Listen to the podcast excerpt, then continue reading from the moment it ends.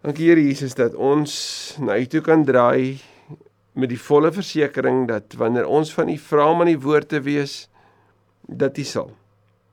Vader, so baie dankie dat U die gewer is van die wonderlikste geskenke. U het U seun gestuur, U het U seun gegee volledig gegee tot aan die einde toe sodat ons juis deur sy dood en opstanding die lewe kan hê, lewende hoop kan hê. Kan weet dat wanneer ons glo dat Jesus gesterf het en bely dat hy uit die dood het opgestaan het, dat hy die Here is, dat dit beteken dat dit dat ons naam in die boek van die lewe, dat ons ewige burgerskap in die hemel het.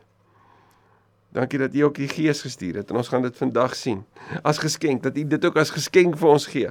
Heilige Gees dat dat U as gestuurde in ons lewe en in ons wêreld aan die werk is. U was deur die eeue heen aan die werk. U steeds nou aan die werk en in hierdie oomblik of dit nou is of ek op my bank sit in my sitkamer of by my lesenaar voor 'n in my kantoor of waar dit ook al is, miskien luister ek hierna in die in die motor. U is aan die werk. En ons kan net so vir u vra asseblief Here Jesus. Deur die Gees. Kom en praat met ons. Heilige Gees lei ons. Kom verander ons al hoe meer na Jesus toe. Ons bid dit in die naam van Jesus die Here. Amen. Amen. Die boek van Handelinge is natuurlik die tweede boek wat Lukas geskryf het. Die eerste boek skryf hy vir Theophilus en ons gaan dit nou lees oor die werk van Jesus op aarde, wat hy kom leer het en wat hy kom doen het en hoe dit redding gebring het. En ons sien Handelinge as boek 2 oor die werk van Jesus deur die kerk. Ons sien dat die Gees teenwoordig was met met Jesus se bediening op aarde. En ons sien hoe die Gees teenwoordig is met die bediening van die liggaam van Christus op aarde. Daarom het ons dit goed gedink om om die die tema vir hierdie reeks die volgende te noem. Die Gees se werk waar gelowiges acts. Ja, acts A C T S is natuurlik die Engelse woord vir vir die woord handelinge. En handelinge as jy na die Grieks gaan kyk, is dit die die dade van die apostels, die praksis van die apostolos.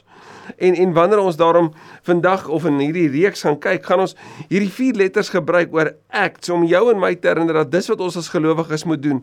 Ons moet besig wees met in aksie met dit waarmee die Here besig is. En soos dit ons besig is met dit waarmee hy besig is, sien ons hoe dit ons lewens verander, ons verhoudings verander en ons al hoe meer in hierdie Jesus lewe lei om soos Jesus te word en te wees.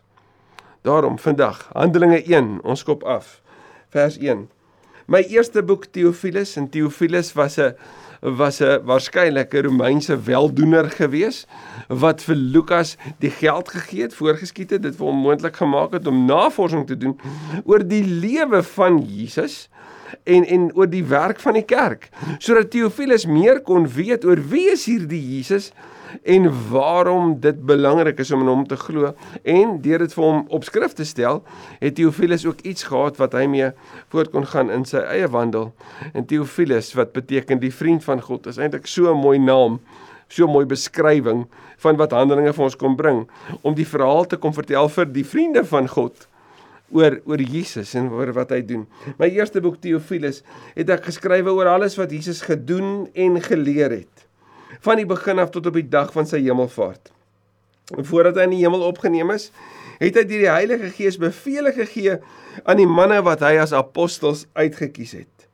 Na sy dood het hy met hulle het hy aan hulle met baie onbetwisbare bewyse ook getoon dat hy lewe. Jy kan in 1 Korintiërs 15 gaan sien hoe Paulus hierdie beskryf. Hoe aan die eerste mense, die eerste dames, die vroue verskyn het hoe hy aan Paulus en Jakobus, ag aan aan Petrus en Jakobus verskyn het. Hoe hy later aan die groter groep bymekaar verskyn het. Hoe hy 'n week later aan Stefanus verskyn het. Ek bedoel hy het aan die Emmausgangers verskyn. As op Paulus daar in 1 Korintiërs 15 sê, hy het selfs op 'n stadium vir meer as 500 mense het aan hulle verskyn. So op baie onbetwisbare wyse kon hulle sien dat hy leef, hy het opgestaan.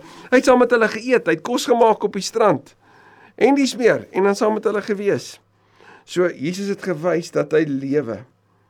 In die loop van 40 dae, dis na sy opstanding, het hy by verskeie geleenthede aan hulle verskyn en met hulle oor die dinge van die koninkryk van God gepraat.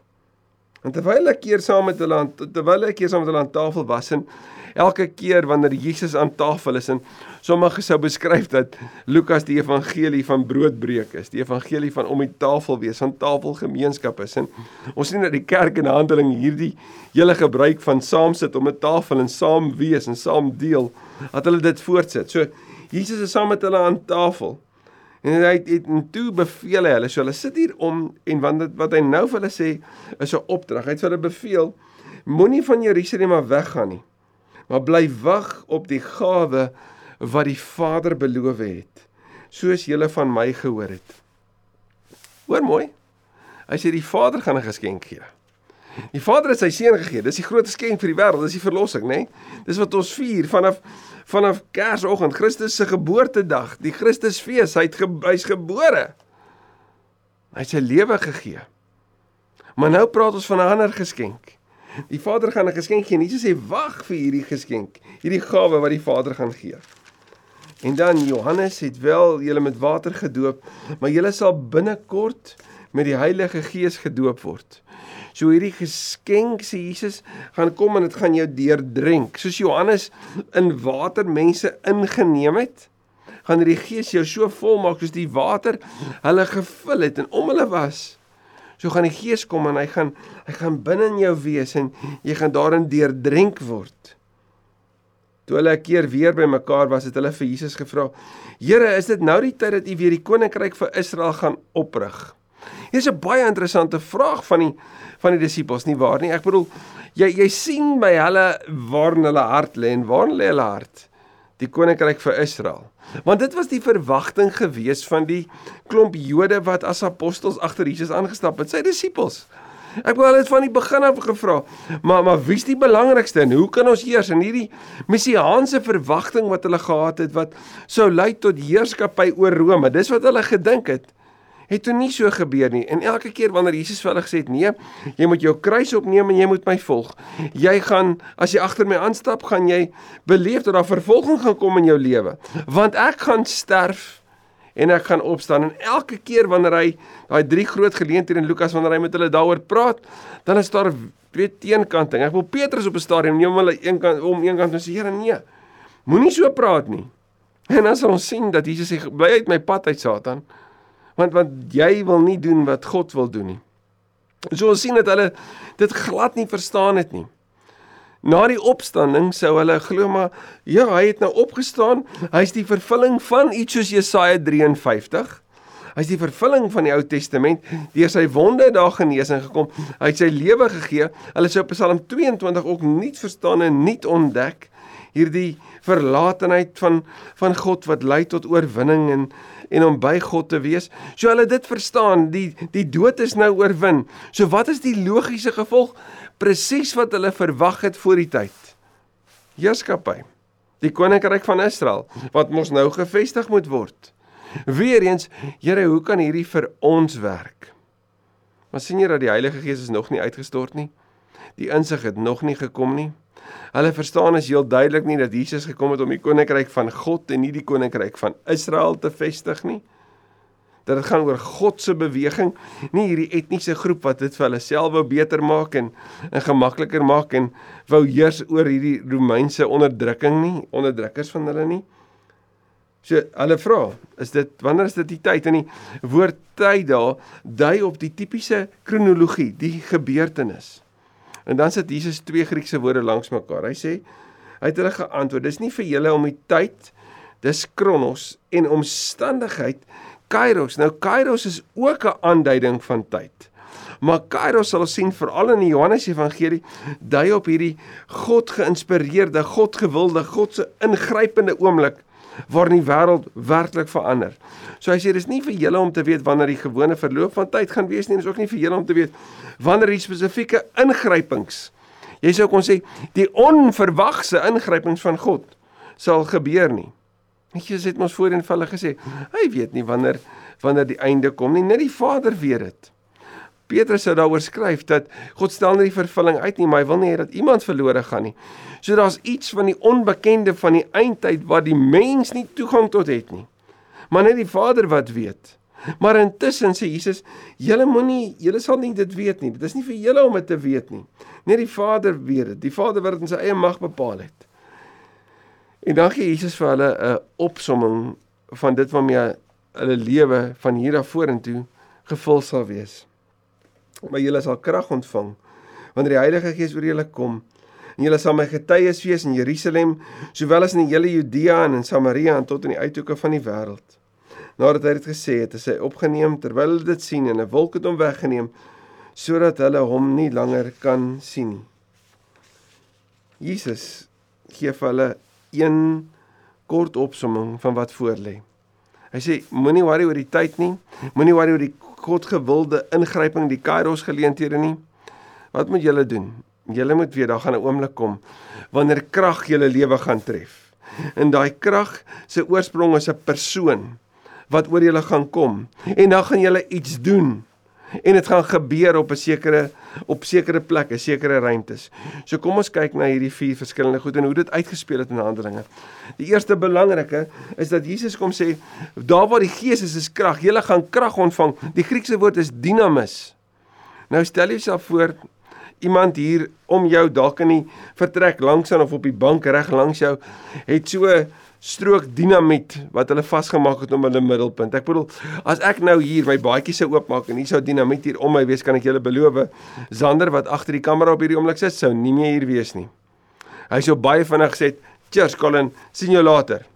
Hoekom? Want hy sou sê, "Wat jy om jou het is is dit wat jou in staat sou stel om ons omgewing onmiddellik te verander." Jy sou onmiddellik 'n direkte impak op hierdie omgewing kon maak. Wel dis presies wat hierdie Griekse woord beteken. Die dinamis van die Gees wat jou in staat stel om die omgewing direk te verander. En ons sien dis wat gebeur. Ek bedoel Rodney Stark vertel van die groei van die Christendom oor die eerste 300 jaar en hoe dit die grootste impak van enige beweging van alle tye was. Dis die grootste groei van alle tye van enige beweging ooit gewees. As eers toe die kerk gekersten is dat hierdie groeikurwe as dit ware rustig geraak het of 'n plateau bereik het. Maar die ontwikkeling was hierdie passievolle dinamiet, hierdie beweging van die gees deur gelowiges wat gesê het hier is ek Here. Doen dit in my, doen dit deur my. Jesus sê julle sal krag ontvang en en hierdie hierdie krag sou julle in staat stel nie om uit julle eie krag uit te gaan nie, maar om getuies te wees. En dis belangrik om te weet dat wanneer Jesus vir hulle sê hulle moet wag want die Gees gaan kom, is dit want as hulle dit andersins sou doen, sou hulle dit uit hulle eie krag uit doen. Maar nee, die Gees sou oor julle kom. Die krag gaan julle vul en julle sou nie 'n 'n kragbron het wat aan en af aan en af is soos die kragbron hier in ons omgewing nie. Nee. Hierdie is is 'n kragbron wat jou in beweging bring, wat jou gaan oorweldig. En hierdie kragbron kom sê Jesus, dis die tweede deel. Wanneer die Heilige Gees oor julle kom. sien die Gees is die katalisator. Die Gees bring ons in beweging. Die Gees is aan die werk. Daarom word die Gees ook as wind beskryf, ruach. En daar waar wind is, daar's beweging en wanneer die wind beweeg, kan jy sien die omgewing verander. So die Gees bring die kerk in beweging. En daarom is dit so goed wanneer die kerk sê Here, maak kon vaai deur my. Kom doen in my wat net U kan. En Jesus kom sê die Gees gaan kom en dit gaan julle lei tot aksie. En die derde beskrywing van van hierdie hierdie vers is dat dat een julle gaan krag ontvang, twee die Gees gaan oor julle kom, drie julle gaan in beweging kom. En wat gaan julle doen? Julle gaan getuies wees.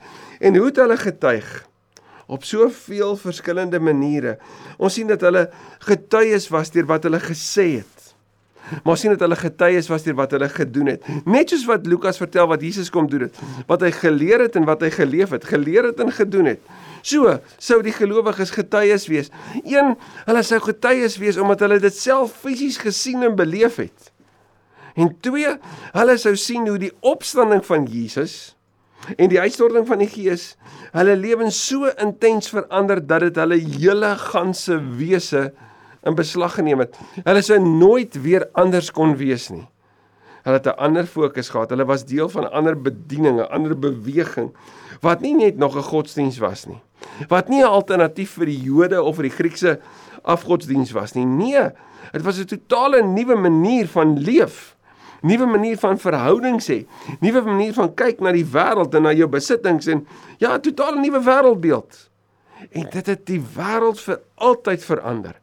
Het het verhoudings soos wat dit bestaan het, nou hulle dit verstaan het in daai tyd totaal verander. Het het die verdeling van van mense uh, in terme van groeperings en en inkomste totaal verander.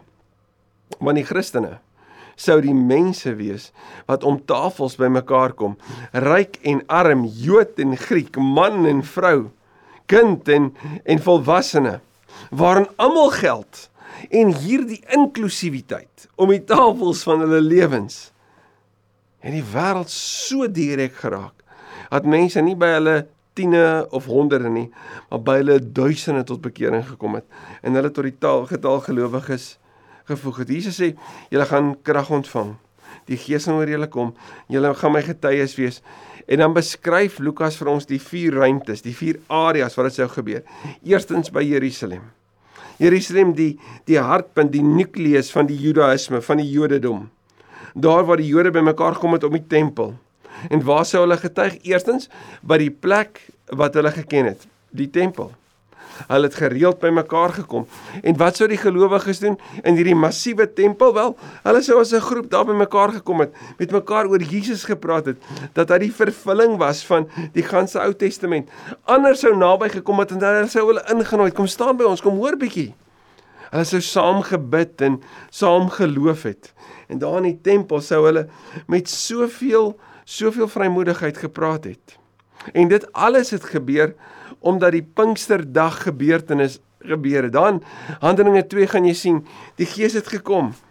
Hy het oor hulle gekom. Dit wat Jesus gesê het het waar geword. Hy het hemel toe gekom en het die Gees gestuur. En dan begin hulle praat, almal in verskillende tale. As jy in Handelinge 2 gaan sien, gaan jy daar in hoofstuk 2 vers 32 tot 33 sien. Hulle het almal in die tale gepraat wat die die ganse wêreld van daai tyd verteenwoordig was. Al die Jode wat van oral oor af gekom het om in Jerusalem te wees het het almal die evangelie van Jesus in hulle eie taal gehoor. So wat aanvanklik gelyk het soos totale chaos vir die kerk. Wat nou? Almal is aan die brabbel. Was nie brabbeltaal nie. Dit was nie onbekende taal nie. Die mense wat dit gepraat het, het nie die taal geken nie. Maar die taal was 'n gekende taal en elkeen het die evangelie, die een boodskap oor Jesus in sy eie taal gehoor. En dit so die totale teenoorgestelde van Genesis 11. Genesis 11 waar die sonde gelei het tot die verspreiding en niemand het niks van mekaar verstaan nie. Almal het in brabbeltaal 'n Babelse verwarring beleef daar in Genesis 11.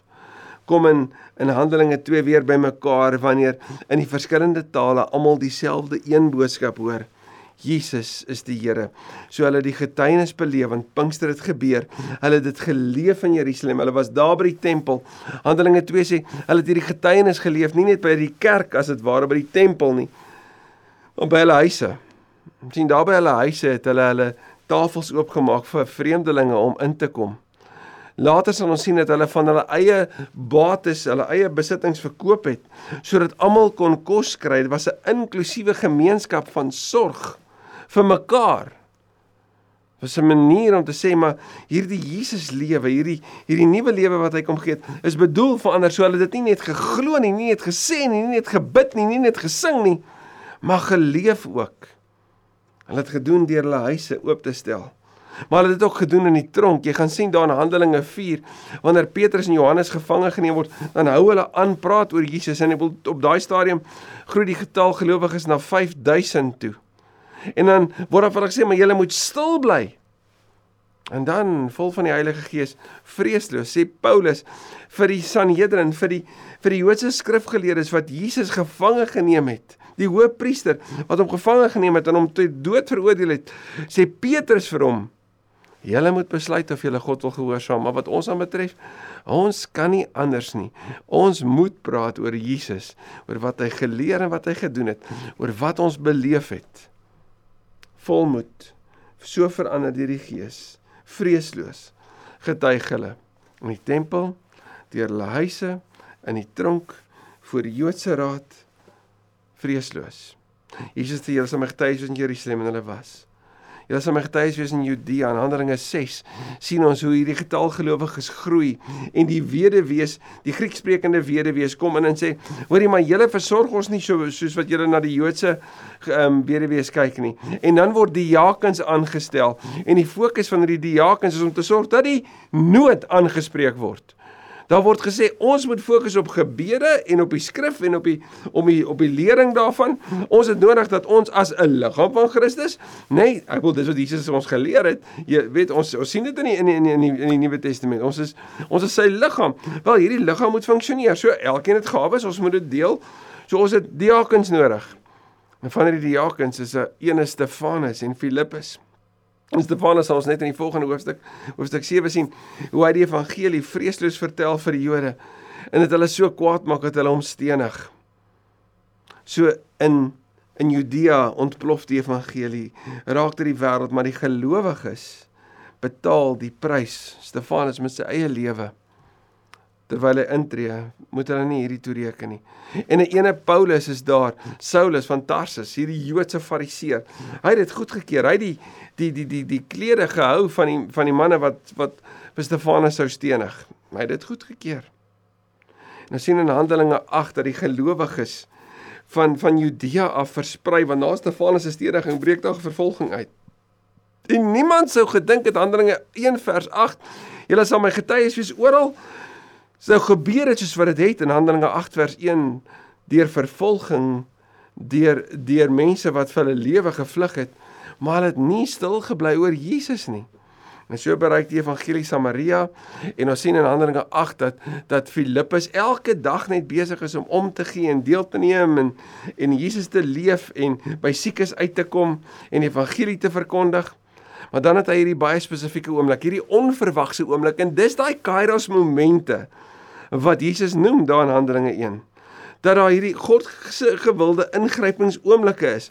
En die Gees sê vir hom: "Hoor jy moet na die pad na Gaza toe gaan." En hy ontmoet mos natuurlik daar die onman die Ethiopiër en Filippus sluit by hom aan deel die evangelie van Jesus en daar kry ons die eerste sendeling na Afrika toe. Hierdie Ethiopiër wat die evangelie hoor, die goeie nuus van Jesus en Jesus het gesê: "Julle sal my getuies wees." Handelinge 9 loop Paulus die die die opgestaane Christus raak. En Paulus wat gedink het hy sien sien die opgestane Christus en hy word blind. En hy word na Damaskus toe geneem, na die plek waartoe hy gegaan het om om oordeel te bring oor die gelowiges. Daar leef Ananias hierdie evangelie van genade en inklusiwiteit, van liefde, van die nuwe gemeenskap van Christus, hierdie mees liefdevolste beweging van alle tye. Wanneer hy vir Paulus sê Paulus broer en hy doop hom en Paulus word deel van die geloofsgemeenskap. En en daardeur sien ons hoe die evangelie verder groei. Petrus in Handelinge 10 kom by Kornelius uit en sien maar God werk ook onder die onder die Grieke, onder die heidene en dit breek sy paradigma vir alle tye. En en skielik ontdek hierdie Joodse manne, Paulus en Petrus, dat dit nie gegaan het oor die koninkryk van Israel nie, maar oor die koninkryk van God. En God se redding van die wêreld lig vir die nasies, Genesis 12 en dit verander hoe die vergadering sou besluit in Handelinge 15 om die evangelie so toeganklik vir ander vir die heidene te maak dat dit dit nie kom met 'n klomp Joodse wette wat mense moeg maak nie. sien die kerk het ge a van acts. Hulle was in aksie. En dit het nie geëindig in Samaria nie, nie, dit eindig in in Rome wat die eindpunt van die antieke wêreld was van daai tyd. Dit was die uithoeke geweest. Maar die reis na Rome was ook nie bekend nie. Dit was ook nie voorspelbaar nie. Ek wil Paulus is op pad na Jerusalem toe want die gelowiges kry swaar in Jerusalem. Die gelowiges in die ander dele van daai wêreld die die arm gemeentes in Macedonië gaan lees maar in 2 Korintiërs 8 en 9. Hulle gee geld en sê Paulus gaan ondersteun hulle want dis wat ons doen. Ons leer nie net nie, ons moet leef ook. So ons wil deel in die versorging, die liefdeswerk van hulpverlening van die gelowiges in Jerusalem. En wanneer Paulus daar aankom, dan word hy uiteindelik gevange geneem en sy reis na Rome begin en jy kan dit maar gaan lees in Handelinge 21 tot 28 en uiteindelik eindig Paulus daar in die uithoeke van die antieke wêreld en daar is hy steeds besig met aksie. Hy nooi mense na sy huis toe. Hy deel met hulle die evangelie. Hy skryf briewe vir die kerk. Hy sê moenie julle fokus verloor nie. Sien die kerk van Jesus was nie bekend daarvoor dat hulle maar net 'n stelsel van van geloof aan mekaar gesit het wat 'n bietjie anders gelyk het as die Jode nie. It wasn't a system of belief. It was a way of life. Dit was om te sê maar as ons Jesus volg dan dan beliggaam ons alles wat Jesus vir ons geleer en geleef het.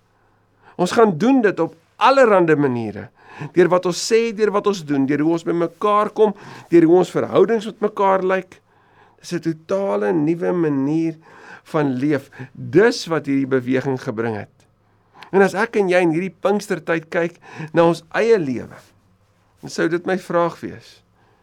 Het ons geloofslewe arm geword?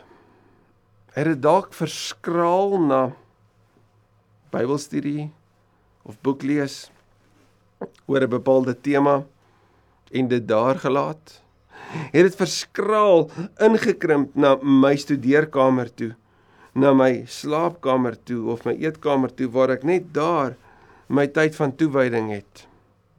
Het dit selfs minder vers, nog kleiner verskraal na dalk luister ek net vinnig na 'n podcast of lees ek dalk net vinnig my Bible app vir die oggend en dis dit eendag hierdie gedig gehoor. I knelt to pray but not for long I had too much to do. I had no time to speak a word of praise for bills would soon be due. And so I said a hurried prayer jumped up from off my knees my Christian duty now was done my soul could be at ease. All through the day I had no time to speak a word of cheer. No time to speak of Christ to friends they'd laugh at me I feared. No time, no time, I had no time. That was my constant cry. No time, O Lord, I have no time. And then it was time to die. And as before the Lord I came, I stood with downcast eyes. Within his hand he held the book. It was the book of life. God looked into his book and said, Your name I cannot find. I once was going to write it down, but never found the time. vir die gelowiges het dit nie gegaan oor om net hierdie tydjie te hê en te kan sê ek het dit gedoen nie, maar eerder om dit te leef hierdie nuwe manier van leef. En ons sien in Handelinge dat die Gees hulle vang op onverwagse plekke. Hulle gaan na die onbekende toe. Hulle gaan by tye na die ongemaklike en die onverwagse toe en elke keer daar beleef hulle hulle het krag ontvang. Hulle kom in ruimtes waar hulle moet praat oor die evangelie onvoorbereid. En dan word dit die plek waar die Here werk. Waar is die plekke in jou en my lewe? Waar dit nie gaan oor tyd nie, maar oor oomblikke ontmoetings met mense waar ek en jy sien in die onverwagse, in die onbekende, in die ongemaklike en die onvoorbereide is die Gees aan die werk. Kan ons vandag bid, doen dit asseblief weer, Here. Laaste storie. Ek het nou die dag 'n uh, ruk terug 'n klip gesien waarin Priscilla Schreier die volgende deel uit die lewe van baie bekende wêreldevangelis.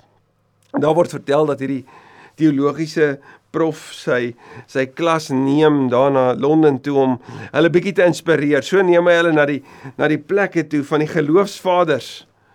En een van hulle was die van ene John Wesley.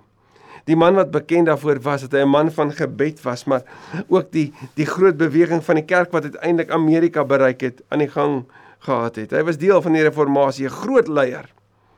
En en daar beweeg hulle toe vanaf sy sy studeerkamer na sy sitkamer en eetkamer en uiteindelik gaan hulle na sy slaapkamer toe en staan daar om die bed van John Wesley.